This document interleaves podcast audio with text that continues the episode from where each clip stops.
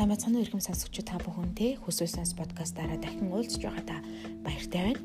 Миний бие болохоос үхээ өнөөдөр та бүхэнд Монгол хоолны гайхамшиг монголчилсан кето гэж юу вэ гэдэг талаар мэдээлэл хүрэхээр бэлтгэлээ. 2019 онд миний хамгийн том мөрөдөл юу байсан бэ гэхээр илүүдэл жингээсээ салах юмсан гэсэн хүсэл мөрөөдөл байсан. Ингээд жил бүр бичдэг хүслийн дэвтэр дээрээ энэ жил би заавал өөрийгөө ялан дийлнэ.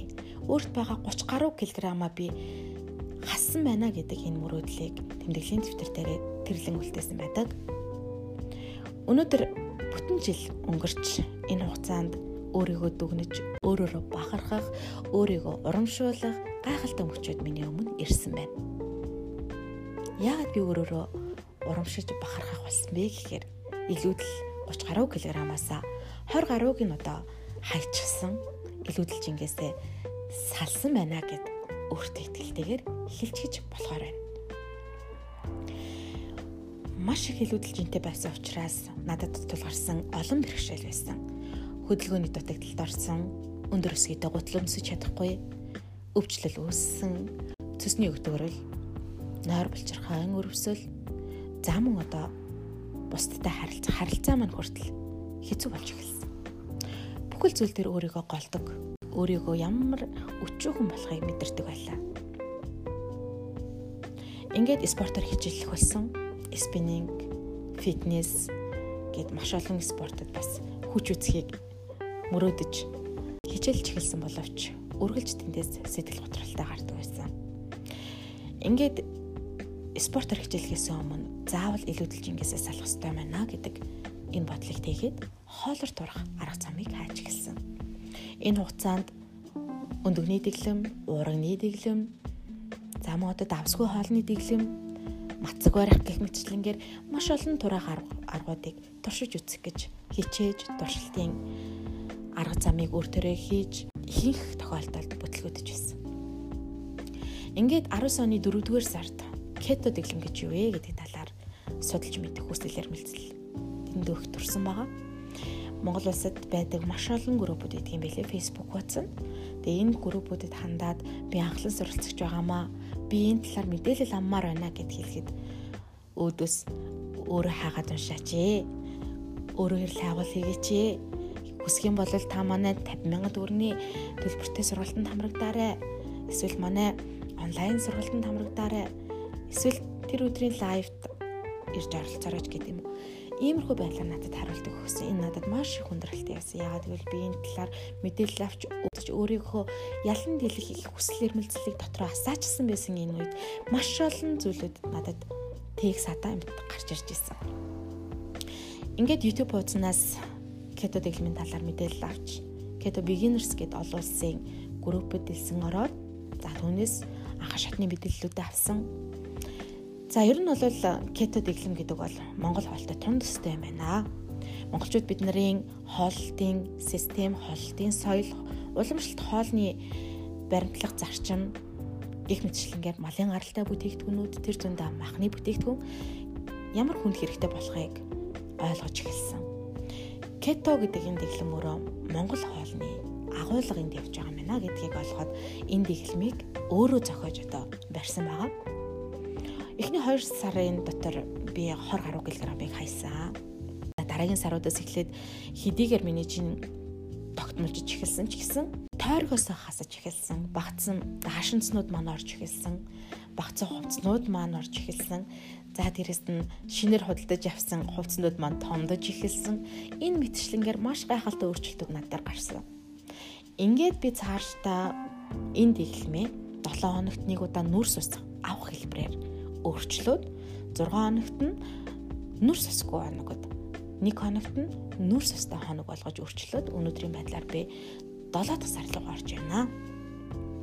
Энэ хугацаанд 25 кг-ыг хассан байна. Мөн одоо миний биед өөрчлөлт гарсан зүйлүүд бол өтөрсөн цус маань шингэрсэн. За нойр булчирхай өрөсөл маань харьцангуй гайгүй болсон гэдэг эн чин одоо ярихыг сонссон байгаа. Тэгэхээр эрүүл мэндэд маань бас нааштай зүйлүүд мэдэгдэж эхэлсэн. За тэгээ дээрэс нь миний нүрэн дээр үссэн өсөд талбууд багасаж цаанаасаа царай маань гэрэлтэж эхэлсэн. илүүдэлж ингээс салсан учраас маш их өөртөө ихтэй болсон олон зүйлийг тушиж үзхийг хичээдэг болсон. За тэр дундаа маш их шантарч байсан фитнест хичээллэх тэр зоригийг өөртөө оруулж чадсан байгаа. Уул спортыг маш их сонирхож дурлаж Facebook-оос олон хүнээс мэдээлэл авдаг ч гэсэн хизээч зориглож алхалт хийж чаддгүй байсан. Илүүдэл чингээс салсан болохоор өөртөө ихтэй болсон болохоор би ууланд авирахын хүсэл мөрөөдлөө бас биелүүлж чадсан. 7 хоног болгоны хагасаа өдөр ууланд авирдаг болсон байна. Энэ мэтчлэнгээр өөрт гарч байгаа маш олон давуу талуудыг та бүхэнтэйгээ хуваалцахад сайхан байна. Монголчууд бид уламжлалт хоол маань мах махан бүтээгдэхүүн тэр дундаа малын гаралтай сүв тараг өрөм зөөхий шар тос сүүлний хэрэглээ маш өндөр байсан. Цагаан гурал гурлан бүтээгдэхүүн байгаль дуургаагүй хэмээн гаралтай чихрийн бүтээгдэхүүн бидний амьдралд тэр дундаа бидний хүнсэнд байгаагүй гэдгээ би бат итгэлтэйгээр та бүхэнд хуваалцахад таатай байна. Харамсалтай нь бид хизээнээс хүний бид шаардлагагүй нүүрс усыг хэрэглэж түндэд донцсон бэ. Энэ талаар бас та эргцүүлж бодоорой. Арх тамхины донтолт хүн бүхэнд ил харагддаг. Харамсалтай нь дал томтолт буюу чихрийн донтолт, цагаан гурлан бүтээгдэхүүнд донтох донтолт хэн бүхэнд төдийлөн анзаарагддаггүй. Түүний хор уршигч хүн бүхэн мэддэггүй. Өөрийнхөө хоолтын хэм маягийг бас өөрчлөх гээд үзээрэй гэж хэлэх байна. Бид нэр дөнгөж төрсэн хүүхдээс эхлээд уур өсвөлийг хөвгүүлдэг. Төрсэн ээжэд хоньны шин махтай шүл болгодог ядарсан, зүдэрсэн, өвдсөн, хавцсан хүмүүстэй бид нар хамгийн эхлээ шинэ хоньныхоо махаар шүл хийж өгч ядаргааг нь тайлдаг ийм уламжлалтай. Харамсалтай бид нэр 90 он гарснаас хойш хоньны махыг холестерин нэгтэй гэдэг шалтгаанаар идэхэ болж сүлийг муухай өнөртэй гэдэг шалтгаанаар хэрэглэхэ болж за мөн одоо шар тосны хэрэглээг эрчимтэйгээр бууруулсан гаднаас орж ирж байгаа хүнсний бүтээгдэхүүн болгоныг гайхалтай сайхан битэр хүлээж авч амттан шимтдэг өдөр болгон хүнсэндээ хэрэгжилж ирсэн. Ийм буруу юм маягтай болсон. Үүний үр дүнд монголчуудад юу тохиолдов?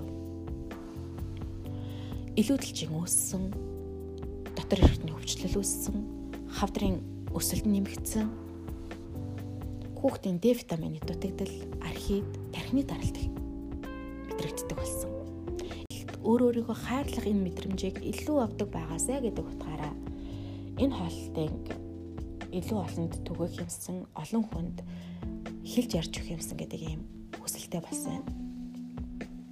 Шар тос гэдэг бол гайхамшигтай. Шингэн алт гэд нэрлэлчихэд бараг болохгүй юм байхгүй хаа.